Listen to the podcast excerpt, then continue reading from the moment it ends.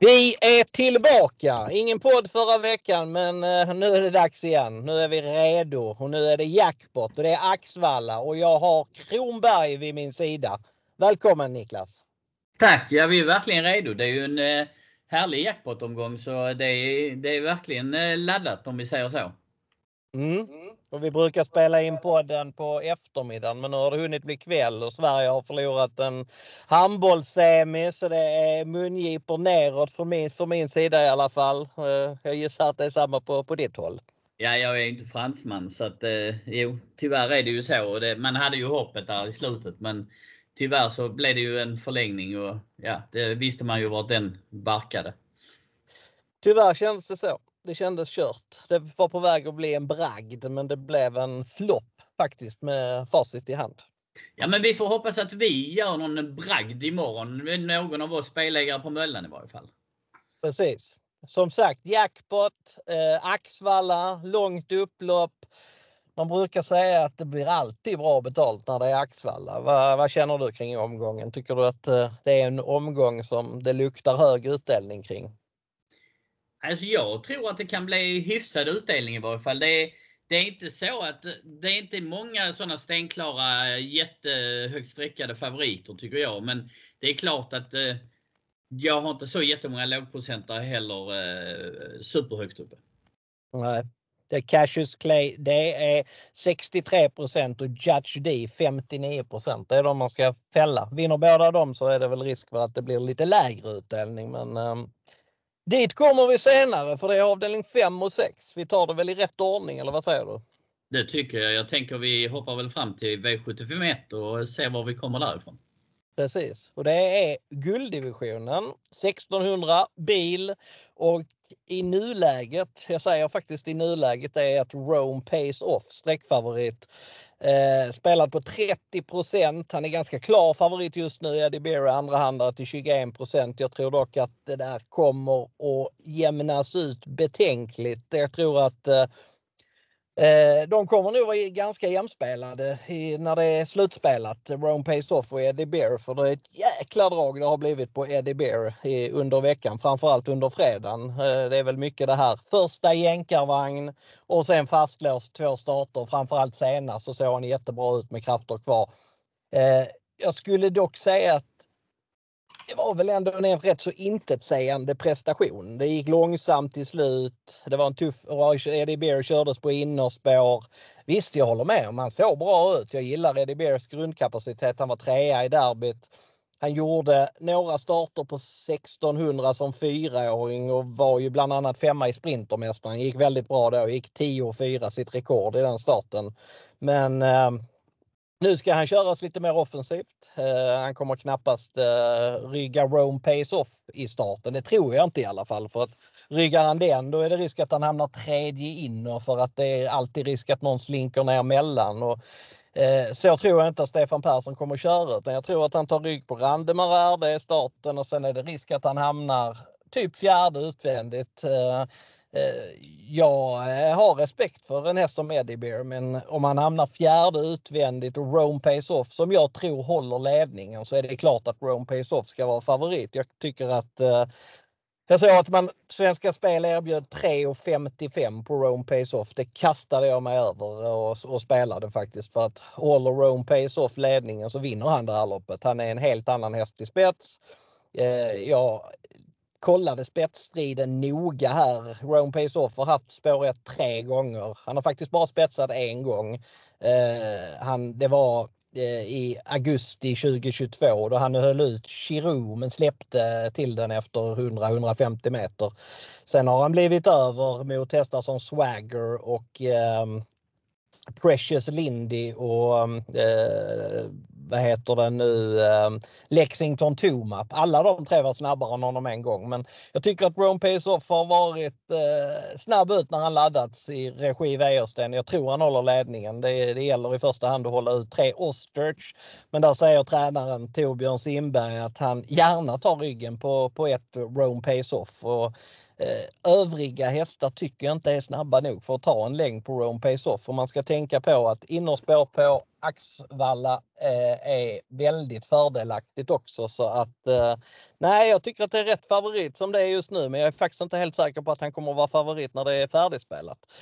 Vad tror du? Vilken, vilket, eh, vilket håll eh, vänder du? Vilket håll eh, back, vacklar du mot? Rome Pace Off eller Eddie Bear? Nej, eh, ni som lyssnar på podden sist Eddie startade så varnar jag för den. Så att, eh, jag, jag, kan ju säga så här att så som loppet ändå utspelade sig där den satt med krafter kvar så får jag väl hålla en liten, liten extra slant på Eddie Bear. Men jag förstod att du troligen skulle gå på wrong Pace Off här i, i det valet. Så jag var rätt säker på att vi skulle skilja oss just här. Men eh, jag, jag är glad för Eddie Bear. Jag tycker det är en häst som de har matchar väldigt försiktigt och bra. Eh, första gången med bike känns klart intressant. Jag hörde en intervju med Stefan Persson. Han, han, det är ju inte så att han målar upp den som någon eh, klar vinnare eller någonting annat. Men samtidigt så är det ju ändå familjens häst. Det är ju samma, eller frun då, som, som eh, tränar hästen. Och det är väl klart att man kanske ligger lite lägre med just den. Han sitter ju inne med flera väldigt bra chanser tycker jag faktiskt imorgon, Stefan Persson. Så att han har ju lite att välja på. Men eh, jag hoppas att eh, det börjar väldigt bra för Stefan Persson. Mm. Har vi nämnt två hästar, Rome Pace Off och Eddie Bear. Om jag nämner någon till bakom dessa så får jag fortsätta att tjata om fem Rakato. Han gör alltså i start 124 debut på kort distans. Det är rätt sjukt. Eh, men han har ju, även om han är 12 år så tror jag aldrig att han har varit bättre. Han var med i samma lopp som Eddie Bear förra gången. Då trodde jag mer på Krakatoa. Det gjorde spelarna också. Och Krakatoa, han fick dra tåget sista sju i tredje spår. Så slagen ut genom sista sväng. Men var väl kanske den som gick snabbast över mål. Så att eh, han är kraftigt gynnad av Axvallas långa upplopp och eh, ska han vinna guld någon gång så är det kanske nu. Jag tror faktiskt att jag rankar honom tvåa bakom Rome Pace Off. Så har jag i alla fall rankingen just nu. Sen är det väl hästar som Beer Time och That's So Cool. That, That's So Cool tycker jag är klart gynnad av att det är Magnus A. Djuse som kör igen.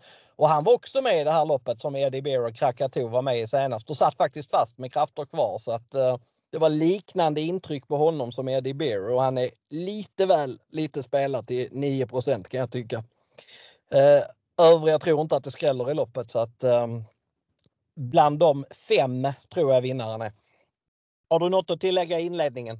Nej, jag håller med dig. Jag kan väl tycka att om man tittar på streken så kan jag väl tycka att Heart of Steel känns lite överstreckad i loppet. Men eh, i övrigt så eh, kan jag väl hålla med dig. Jag har samma fem hästar som du först. Så att, det är inga konstigheter. Och då går vi över till V752. Det tycker jag.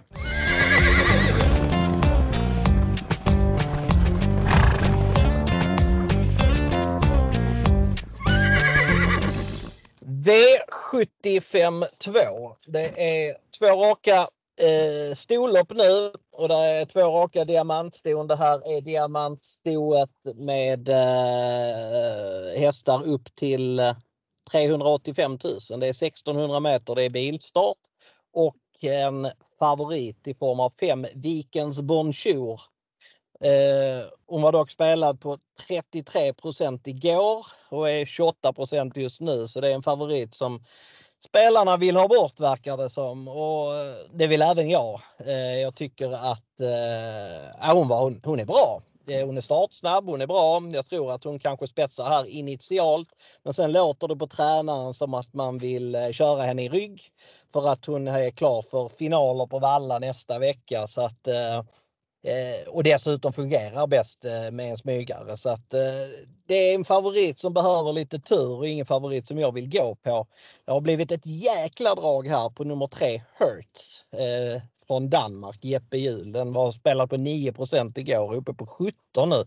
Eh, jag kan då tycka att det är korrekt att den eh, stiger i procent. För det är en väldigt bra häst för klassen. För tre starter sen så mötte hon eh, svenska årgångstoppar i ett Breeders Crown-försök och satt fast med rätt så mycket krafter kvar efter en invändig resa. Nu möter hon helt andra hästar denna gången. Hon visade dessutom bra form senast då hon Eh, avslutade rejält, hade långt fram till Muscle Crown som drog undan i spets men eh, eh höll så när på sig att ta sig förbi den sista biten. Så att eh, det var en insats med stora plus i kanten och för fem starter sen så eh, skrällde hon rejält mot de danska årgångshästarna. Hon vann till 40 gånger pengarna. Så att, äh, det här är en bra häst. Det råder det ingen tvekan om. Sen beror det lite på hur mycket procenten ökar. Jag kan tycka att går hon över 20% då är spelvärdet ganska medium på henne för att det som ligger henne i fartet är att hon inte kan öppna någonting. Hon kommer att hamna i typ fjärde utvändigt eller något liknande och då kan det bli tufft att hinna fram på 1600 meter sju Kelly Smartface. Den har radat upp bra insatser. Var tvåa bakom Grace Trott som ju var eh, ganska överlägsen på V75 förra veckan. Eh, I sin senaste start var Kelly Smartface tvåa bakom den. Sen följde hon upp den insatsen med att vinna på ett väldigt bra sätt från eh, utvändigt ledaren senast. Den är också given. Liksom sex Mona Moonlight som jag tror är den som kommer få överta ledningen från eh, Vikens Bonjour. Mona Moonlight har jag haft lite svårt för tidigare men jag får nu ge mig. Hon är nog ganska bra. 8% på henne, det tycker jag är spännande. Sen finns det några hästar som jag har tjatat på som jag tycker är givna att betala för här till lägre procent. Det är nummer 9 Vicky Montoya som har gått med bike två senaste starterna. Det har slutat med lika många segrar. Hon är väldigt rejäl. Skulle vara gynnad av om det blev lite uppskruvat tempo där framme. Då, då eh, biter hennes avslutning väldigt bra. Eh, ett listas Sir Sirena, den eh, går ner lite i procent. Den var 6 igår och är 4 nu. Men eh, Ja, jag tycker den är bra. Jag trodde på den förra gången på, på V64. Eh, fick in V64 på Möllan eh, tack vare hennes seger och eh, hennes avslutning var faktiskt riktigt, riktigt bra. Jag hade strax under 10 sista fyra. Hon är ojämn. Det är inte alltid hon presterar som, som hon gjorde då. Det är dessutom risk att hon blir över från innerspåret. Jag såg en start på Bjerke i december 2022. Då kunde hon inte alls vara med från spår 1. Men eh, man skulle göra lite ändringar med huvudlaget, ändra från helstängt till blinkers i hopp om att hon ska kunna öppna bättre. Och hamnar hon tredje invändigt och får chansen att ha en bra dag, ja då, då kan hon definitivt vinna. Sen tycker jag att Dancing Days nummer 10 är intressant. Det var ett jäkla drag på henne förra gången men eh, eh då släppte man som väntat ledningen och sen gick hon väl sådär på stretchen. Men hon kan bättre än så. Hon är eh, eh, väldigt vass om hon får sitt lopp och till 2-3% så tycker jag hon är spännande. Vad tror du om öppna diamantstoet V75 2? Jag har ju en klar första häst i nummer 3 Hertz. Eh, den, den, du nämnde ju innan den var ute och mötte årgångstopparna, mötte Kayla Westwood och jag tror Aurelia Express var väl två eller trea var den förresten Aurelia. Så att, och de två hästarna hade ju varit ja, stora favoriter i det här loppet. Hertz ser jättefin ut där. Det är, det är väl som du säger att den kan hamna en bit bak för den är inte startsnabb och det säger ju tränaren själv också. Men kapacitetmässigt tror jag faktiskt inte att det är någon, ja det är ju möjligen vilken position som, som kan mäta sig med den. Men jag, jag är inne på att Hertz har en bra möjlighet och jag kommer att spika Hertz på en del system. Det kan jag säga.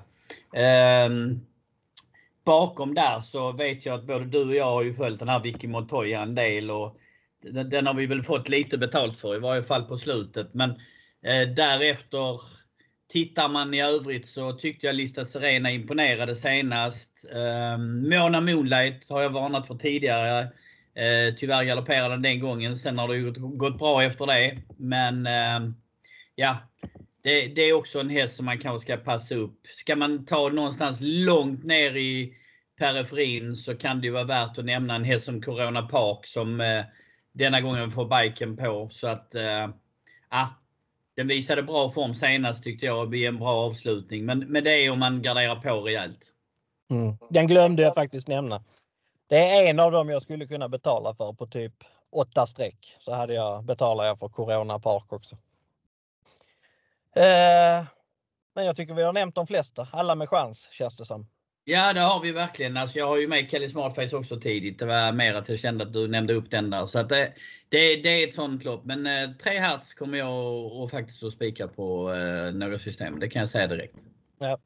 Ja, jag, jag avvaktar. Går den över 20% så spikar jag inte. Men håller den sig där, där den är, runt 17, så, så kan jag tänka mig att spika. Men vi hoppar till nästa. Det gör vi.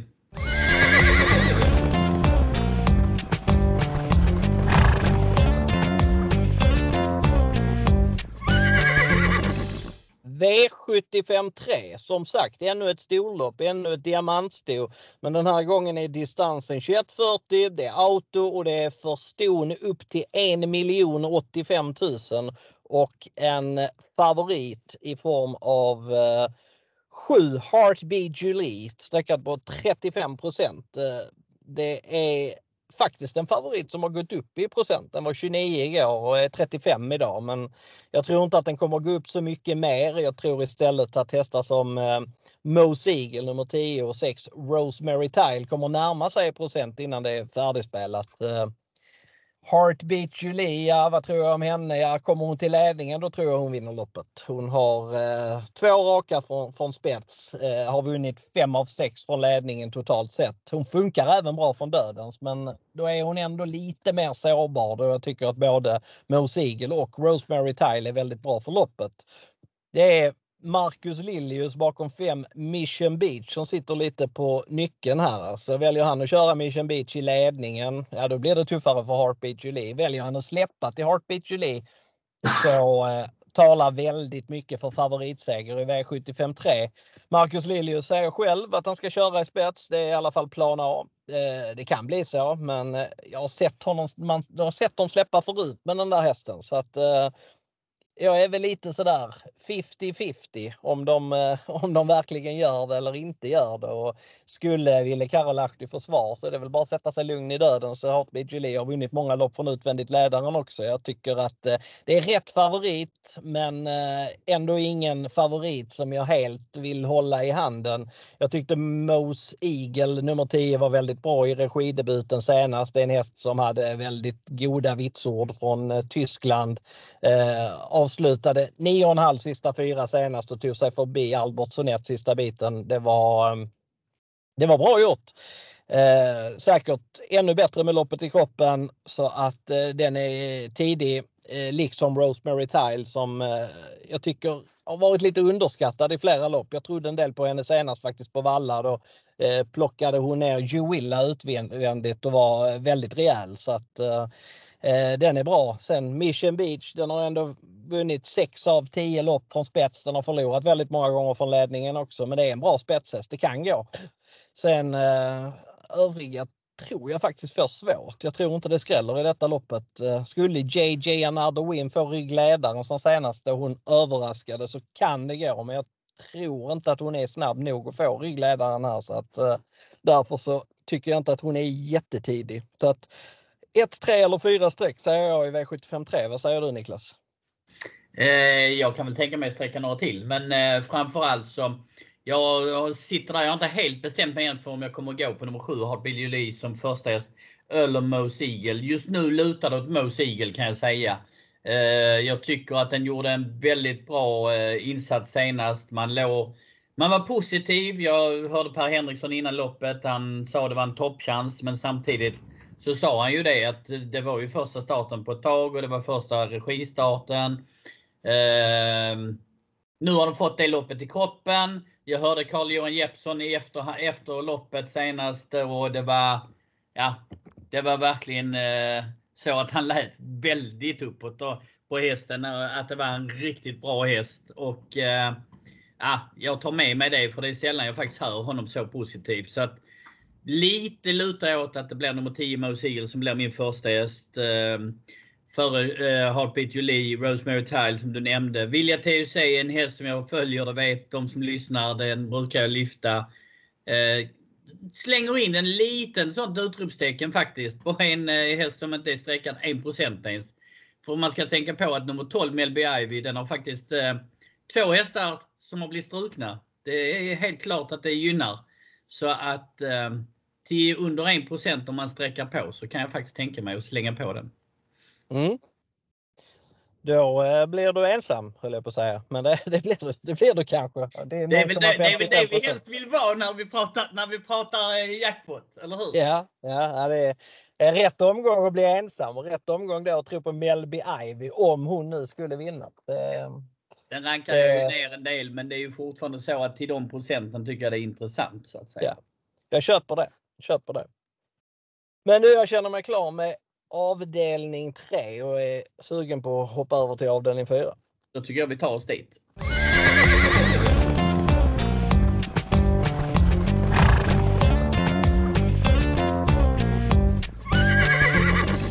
V75 4 det är alltså klass 2, lägsta klassen, lång distans 2640 och voltstart och en eh, klar favorit från spår 1. Magnus A. Djuse med ett Woodbank.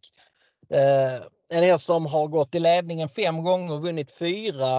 Eh, när jag bara kollade upp lite statistik inför omgången så kände jag att ja, nej, men det är väl bra chans att eh, Woodbank leder hela vägen. Men så började jag kolla voltloppen på honom och eh, då gick det från spets och slut till, eh, han håller ju inte spets. Eh, han har haft spår 1 två gånger, sett eh, svår ut. Eh, han har varit hyfsat med första stegen men haft svårt att axa och blivit över båda gångerna.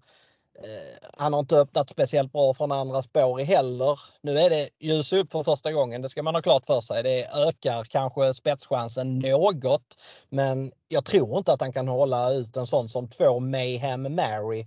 Den eh, hade just spår 2 på Axvalla i juni för Stefan Persson. Flög till ledningen då. Ruskigt snabb alltså. Så att, eh, att Woodbank ska hålla ut Mayhem Mary, det finns inte. Med det sagt så skulle jag säga att eh, Woodbank är en dålig favorit. Eh, omgångens klart sämsta favorit som jag ser det. det mm, den, den kan man bara inte gå på. Jag kommer förmodligen inte ens betala för den på en del system. Eh, jag kommer och jag tycker att två hästar känns klart mer spännande än övriga här. Och det är dels nämnde Mayhem Mary. Jag läste någonstans att det var den bästa insatsen på väldigt länge senast. Jag kan väl till viss del hålla med om det men jag kan även säga att jag har haft Mayhem Mary som flagghäst ett tag. För att hon har gått väldigt bra lopp i, han, han har gått väldigt bra lopp i skymundan många gånger. Ehm, faktiskt fyra, fem senaste starterna så har han sett väldigt, väldigt bra ut. Senast så var han riktigt bra. Han visade bra skalle, det gick rätt så fort i slutloppet, 12-8 sista sju. Eh, slog ganska bra hästar. Dear Wise Ass var stor favorit och trea från ledningen. Och det är en häst som har, Ola Samuelsson har skrutit upp ganska mycket. Jag tycker inte att motståndet är speciellt mycket tuffare här. Dock krävs det lite tur för jag tror inte att Johan eh, Untersteiner kör med Mary i ledningen utan han släpper nog till någon bra rygg. Jag skulle vilja att det skulle vara antingen tre Cumulus eh, FG eller fyra Sabani som skulle få överta. Det är väl lite risk att det blir sex Vikens Cashflow som, som kommer först och då tror jag ändå att man kör den nästan i ledningen för att eh, Eh, Vikens Cashflow har bra statistik i spets. Två vinster på tre försök och en andra plats. Sen är jag lite tveksam om han är bra nog för att kunna vinna på V7. Han har bara spelat på 2-3% Han kan man sträcka men eh, jag tycker inte att han är något tidigt streck utan den jag tänker på som häst nummer två i min rank det är 9 Öna Spartacus som jag tycker är jättefin häst för klassen. Det var jättebra intryck förra gången. Fick chansen sent, 400 kvar. Eh, men i ett nafs så hade man kopplat grepp på, ehm, på eh, den ledande hästen eller den som fick överta. Eh, vi gick med rycktussar för första gången då. Den behövde man aldrig, aldrig använda så den växeln finns kvar till denna starten. Har ett bra läge med rygg på Maya Mary som jag alltså tror spetsar. Borde kunna rinna igenom väldigt bra så att Anna Spartacus är tidig. Den är väl Sabani nummer fyra tidig också. Den har jag varit på lite det, faktiskt näst senast då, eh, då rankade jag upp den rätt så rejält på V64. Den har gjort tre starter för Dahlén. Var väldigt bra vid segern näst senast. Var ännu bättre vid segern senast. Den slog hyggliga hästar den gången. Inte så mycket sämre hästar än vad den möter nu. Eh, har öppnat bra från svåra spår förut. Spetsat från spår 5 i februari 22 Eh, men då var det inga springspår med så det var lite lättare att ha spår 5 i det loppet. Eh, men kommer Sabani till spets så kan han absolut vinna. Eh, jag tycker väl att de tre där, Mayhem Marion, Spartacus, Sabani höjer sig lite över mängden. Eh, ska jag nämna några hästar till så är det dels Vikens Cashflow, tre Cumulus FG. Det är en väldigt, väldigt stark häst. Det är dock jätteminus att det är vanlig vagn på denna gången. Eller i alla fall ett klart minus. Eh, har tagit båda sina segrar i biken. Men för fem starter sedan så mötte han Woodbank nummer ett. Hade varit före den i mål med vanlig vagn den gången och det säger väl i alla fall lite grann om att han kanske inte är helt iskall i, i vanlig vagn. Åtta Rustico vill jag också nämna. Den har i alla fall startat två gånger i rad på V75 och varit trea båda gångerna. Mötte bättre hästar senast. Det var Melby Jail som vann det loppet. Men läget med spår 8 och rygg på Woodbank som jag tror kommer bli över från början, det är ju allt annat än bra. Så att eh, det gör att jag inte håller upp Rustica som jag annars tycker är en bra häst för sammanhanget. Men eh, det kan bli lås här på många lappar. 2, 4, 9 för min del. Vad säger du om det låset Niklas? Mm, jag behöver inte vara helt fel. Jag har faktiskt Woodbank rankad som tvåa, men eh, det är faktiskt bara den som slinker emellan där i mina. Jag rankar nummer 4 Sabani som första häst. Jag tycker den har sett urläcker ut, framförallt senast. Eh, ser ut som en eh, ja, helt annan häst om jag ska vara helt ärlig. Sen eh, Dahlén tog över träningen. Eh, jag nämnde tidigare att jag tror att Stefan Persson kan mycket väl få en väldigt bra dag. Det här är en uppsittning av Stefan Persson. Eh, jag är lite såklart nervös för fjärde spåret men jag, jag känner ändå att den, den, jag tycker den har sett så fin ut här så att eh, det, det känns fel att inte gå på den. Så att för mig är det en klar första häst med nummer 4 Sabani. Vad det gäller spetsstriden så är jag ju inne på att Vikens Cashflow kommer att sitta i spets när vi kväll har kört en bit. Jag kände att jag fick lite medhåll av tränaren i en intervju innan där han sa att den är ruskigt startsnabb. Så att eh, jag tänker att släpper Johan ledningen så eh, sitter väl Vikens Cashflow i ledningen och det kändes som att den kommer att vara eh, i ledningen och inte släppa. Så att eh, ja, det, det, kan bli ett lite halvintressant lopp. För eh, som du nämnde, Woodbank, om den nu inte kommer till spets så måste ju Jussi hitta ut och det är han i och för sig expert på. Men eh, ja, han har ju Untersteiner närmst utvändigt. Och det är ju så att just när vi pratar V75 så är det ju inte alltid bara duvungar med i loppen i varje fall. Så att det finns väl vissa möjligheter att han kan hamna lite, eller rätt så illa på det med lite, med lite tur sett till att man garderar loppet. Så att, eh, ja, det ska bli spännande. Öna Spartacus nämnde du. Det är också en häst som jag tycker har sett fin ut.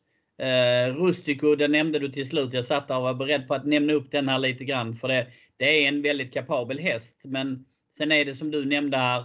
Att läget är kanske inte idealiskt när man nu är inne på att Woodbank eh, troligen inte tar spets. Eh, och då, ja, det försvårar ju såklart situationen. Men för mig är första hästen nummer 4, Sabani.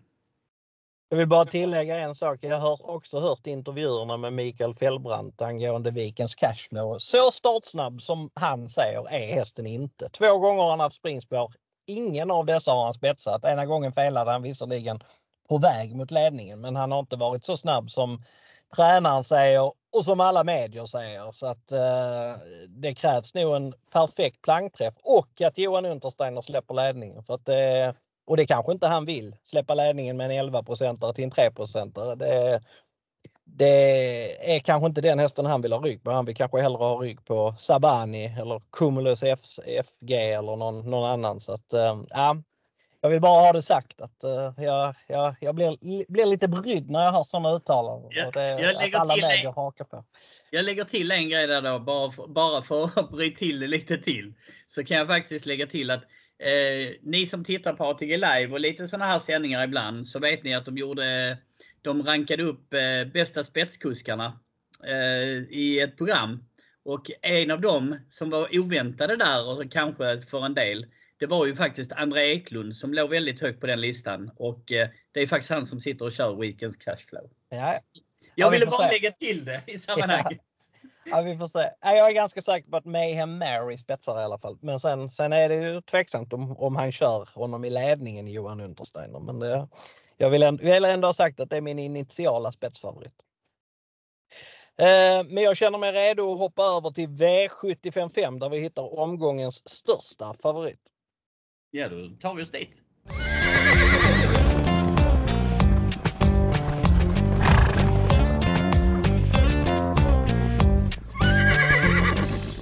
V755 det är klass 1 2140 Auto och omgångens största favorit i form av nummer 1 Cassius Clay. Det är Ja, där är frågan. Håller han ledningen eller håller han inte ledningen? Han hade innerspår i april förra året. Då hoppade han direkt. Eh, men det säger Stefan Persson att den starten ska man glömma för att hästen var inte i ordning.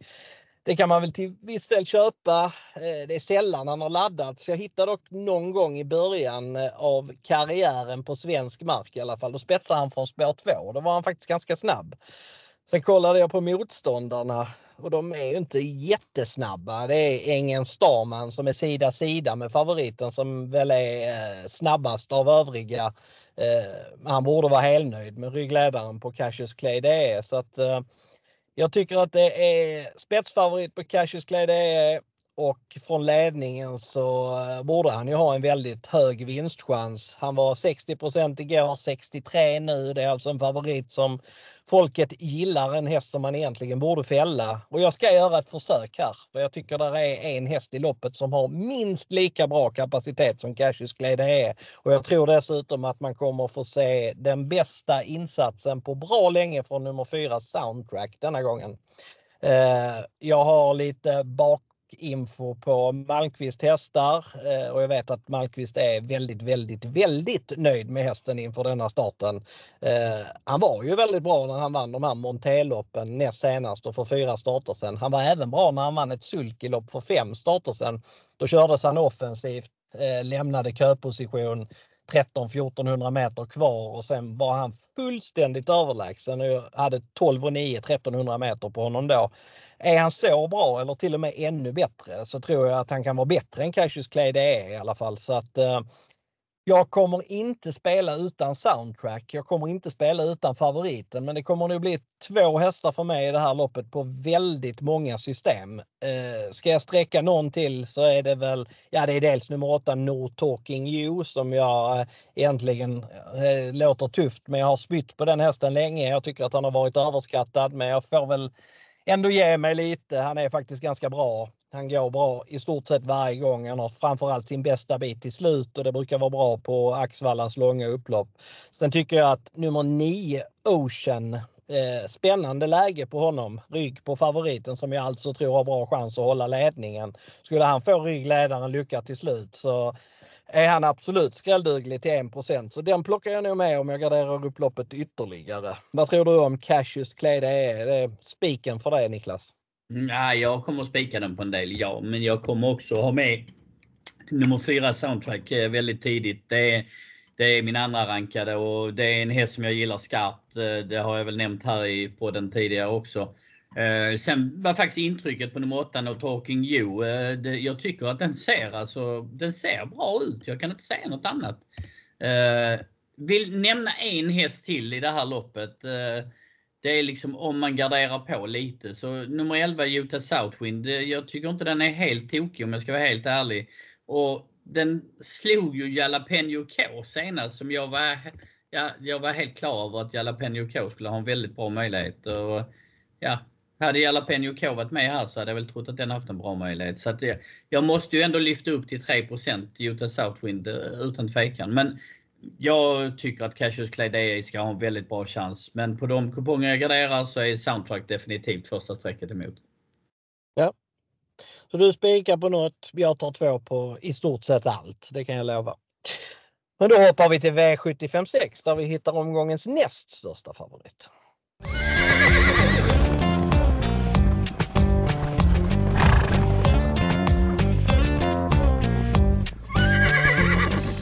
V75 6 och det är brons, det är 1600 bil och som sagt en stor favorit 2 Judge D som senast vann ett eh, liknande lopp på samma bana. Det var på nyårsafton. Eh, hade dessutom spår 2 den gången, spetsade, höll ut eh, fyra Blackfire som i nämnda lopp hade spår 6. Nu har Blackfire spår 4. Eh, det gör väl att spetsstriden kanske blir jämnare. Men jag tror ändå Judge D spetsar här faktiskt. Det som gör mig brydd över Judge D det är hans trav genom slutsvängen framförallt i förra starten. Jag vet att Ola Samuelsson han säger att man behöver inte vara orolig och, hej och hå.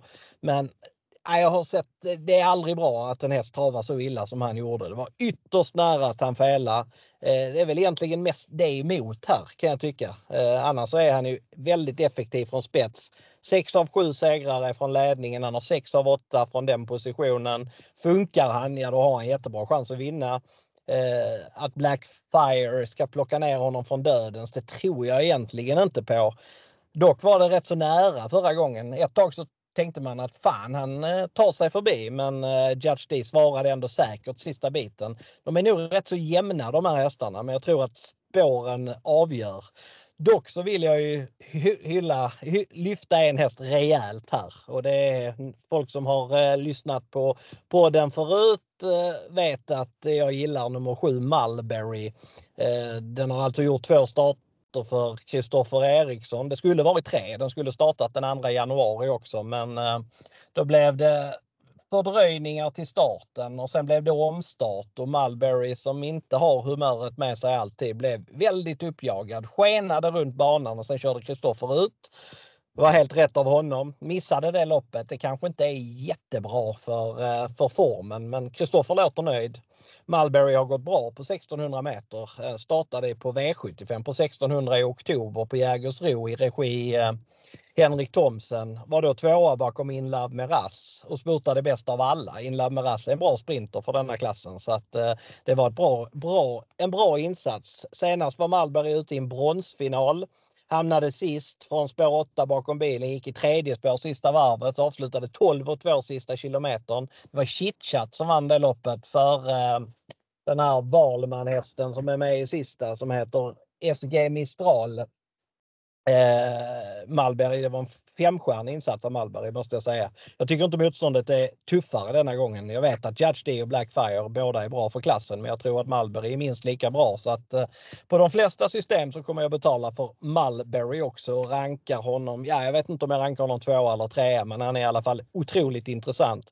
Ska jag nämna en häst till eller kanske två hästar till vill jag nämna. Det är dels fem Field The Benefit som Fredrik Wallin som inte brukar var alltför optimistisk. Han låter otroligt nöjd med den hästen mellan raderna så att det tycker jag är värt att passa och sen så tycker jag att eh, nummer 10 Ready Trophy har en väldigt hög högsta nivå men eh, är väldigt ojämn i sina prestationer. Första Örjan där, det måste vara superintressant. Skulle det bli rejält uppskruvat tempo i loppet så kan han skrälla. Vad tror du om Judge D? Är det en bra stor favorit? Alltså jag försöker faktiskt fälla den. Um det, det kanske är eh, dumstrut på när loppet väl är klart. Men eh, jag, jag gillar Judge D, men jag tycker bara att till de procenten och när du har nämnt redan när jag har insatsen från Mulberry i, i finalen eh, där den gör ett kanonlopp och det här är bara ett försök. Jag känner någonstans att får jag 4% på Mulberry, vilket jag troligen inte får imorgon, men så, så måste jag ta det. Jag, jag, kan inte göra något annat. Jag tycker det är en av morgondagens allra roligaste streck eh, på kupongen och ett måste. Så att för mig är nummer 7 Mulberry första häst. Judge D tidig, men jag tycker också att File Benefit som du nämnde, jag vet att Fredrik Wallin har varit uppe på den tidigare ett par gånger. Eh, men den är också ett tidigt streck. Men även nummer 6, Real Scotch. Jag, jag satt och klurade lite på den och tänkte att den kan väl vara lite halvintressant. Och jag hörde ju också Johan Untersteiner att det, det lät som man brukar säga att Robert Berg har en räv bakom örat, men det lät faktiskt lite som att Johan Untersteiner hade en räv bakom örat vad det gällde Real Scotch. Han sa faktiskt själv att till de procenten så var det nog den mest sträckvärda, eller mest intressanta på sträcken av hans hästar. Och, eh, ja, jag tycker det kan vara intressant om man garderar på, vilket jag då kommer att göra eh, då jag känner att eh, jag vill försöka fälla D. Mm. Jag köper det. Ja 5% på Real Scotch det är väl inte, inte för mycket i alla fall. Det kan jag hålla med eh, Men jag är redo att hoppa över till avslutningen och det är där som travanalytikern brukar säga. Det är där pengarna ska fördelas. Då kör vi oss dit. Ja.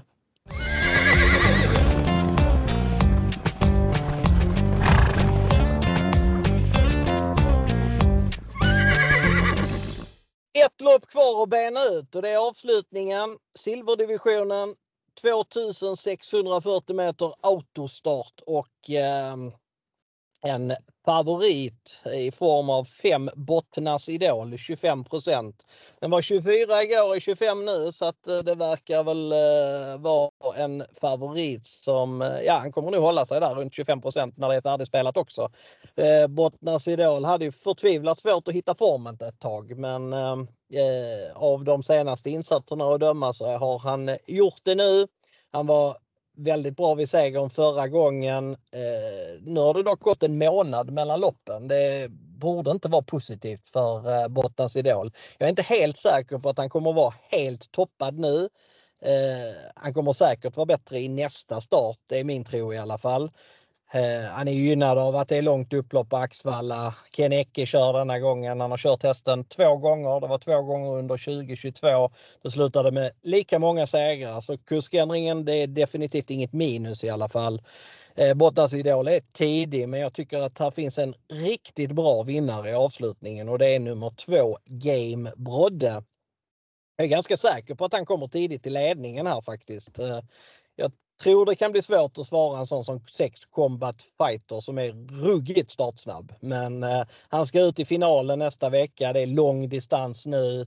Eh, det låter verkligen på Anders Svanstedt som att han tänker en defensiv taktik och det tror jag också är rätt för hästen. ska hästen vinna så ska han nu göra det från ryggledaren här och lycka till slut. Då tror jag verkligen att han har chansen att vinna och 8% på Combat Fighter, ja det är spännande, absolut. Men den hästen jag tror vinner det är som sagt två Game Brodde. Tittar man på statistiken på lång distans så blir man väl lite orolig. Två starter på 26.40 två oplacerade. Men det har varit i försök till kriteriet, försök till derbyt och hästen har faktiskt gått helt okej okay i de här loppen. Jag tycker inte att det är någon fara.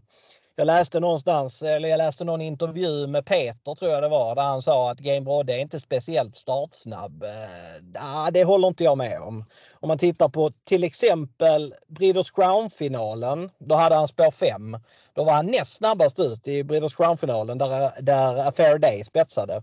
Går man tillbaka och tittar på Breeders Crown-lopp på Rättvik i juni när han hade spår 6 med Erik Adielsson i sulken. Då flög han till ledningen. Han var riktigt snabb den gången. Det kan vara så att han är snabbast när han har spår lite längre ut bakom bilen men här gäller det egentligen bara att vara före, ja, jag vet inte vem. För jag tror inte att eh, skulle tre King of Greenwood eller fyra Stenson hinna förbi så tror jag de släpper till Game Brodde. Så att det gäller egentligen bara att vara före Bottnas Idol och det tror jag han är alla dagar i veckan. Så att tidig ledning för Game Brodde och sen är det en väldigt bra vinstchans. Eh, jag tror att eh, hade Johan förstått hur bra vinst, spetschans han hade med Game Brodde så hade han nog tyckt att eh, det var den hästen som var mest felspelad av hans hästar på lördag. Gamebrode kommer jag spika på en hel del system. Vad tror du om Gamebrode Niklas? Jag rankar den tvåa. Jag tycker den har en bra möjlighet. Men eh, jag, jag, är, jag, jag har lite förkärlek för Combat Fighter. Det är väl efter att jag har suttit fast höll jag på att säga. Men det, det är Anders Svanstedt som har suttit fast med den många gånger invändigt. När han har släppt ledningen i hopp om att det är en bra rygg och sen har ryggen varit jättedålig. Men eh, jag, jag, jag gillar hästen. Eh, jag tycker det är en bra möjlighet. Distansen tror jag inte är ett problem. Eh, jag har också hört intervjuerna och läst mig till att det känns som att han kommer att lägga ett lite mer passivt upplägg på, eh, på det denna gången.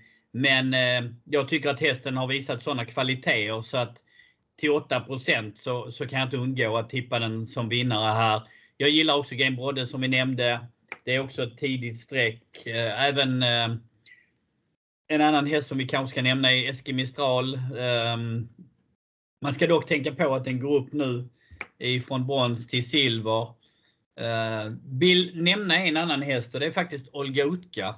Den slog ju faktiskt Betting Pacer senast och Betting Pacer i detta loppet hade jag ändå kunnat eh, tänka mig rätt tidigt. Eh, det, det är liksom, jag känner ändå att den är lite bortglömd här ändå. Trots från det läget så det är inte så att den tar någon ledning eller någonting. Men man, man, jag känner att garderar man på loppet så varför inte? Eh, men eh, första hästen för mig är Combat Fighter och när jag garderar så är första strecket Game Brodde emot. Mm, jag vill nämna 11 Grappa Boy också. Det, det var trots allt så att det var väldigt låga rapporter på honom inför senaste starten. Han gick bra i spåren. Han tappade lite sista biten men hade ändå 10 och 3 sista 7. Eh, med det loppet i kroppen kommer han vara rejält framflyttad. Sen är han betrodd. Han är spelad på 10 Det är, det är inte för lite men det är inte heller för mycket utan han, är, han, har, han vinner väl det här loppet ungefär en gång på 10 ungefär skulle, skulle jag säga. Eh, men jag kommer spika Game Brodde. Det är eh, på, på flera system. Så jag lägger upp raderna i god tid så att eh, vill ni ha speak gameboard så, så hittar ni ett sånt system. Och vill ni, vill ni, ha speak, vill ni inte ha speak gameboard så hittar ni helt enkelt ett annat system. Det var, det var kloka ord från dig. Va? Det var kloka ord från dig säger jag. Ja, ja. Vill ni, vad tror du om utdelningen i, imorgon? Jag, jag säger så här att jag, jag tror på sexsiffrigt så vi säger väl en vi säger väl en 140 000 och så tar vi det därifrån. Ja, nej men 140 000 det låter väl rätt rimligt. Jag tror på något liknande. Jag, ska, jag, vill, jag, jag gör som Kristoffer brukar göra mot mig. Jag lägger mig lite högre så jag säger 150 då.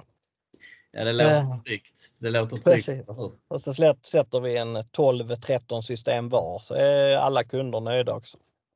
Det hade varit det bästa.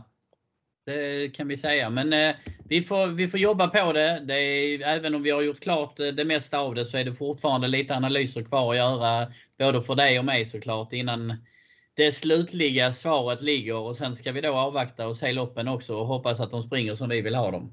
Mm. Jag tror vi får svårt att hitta spik på vårt eh, poddsystem som vi har. Det kostar 300 kronor, 12 unika andelar och hittas under mitt namn på Möllan. Eh, för jag tror faktiskt inte att vi hade en enda gemensam tipsetta. Det är eventuellt Hertz i avdelning 2 men eh, annars så tror jag att vi skilde oss i de flesta loppen faktiskt. Eh, möjligtvis avdelning 5 Cassius Clay det är men där vill jag ha med soundtrack så att eh, där kan vi inte spika. Så att, eh, ja, det, blir nog, det blir nog Hertz spik. Det får det väl bli det och så får det bli något tvåhästarslopp men det, så är det ju bara. Det, det är bara att gå vidare. Vi får ju Precis. hoppas att vi lyckas hitta rätt i de andra avdelningarna. Absolut, absolut. Men du, jag tackar dig för att du var med en, även denna vecka Niklas.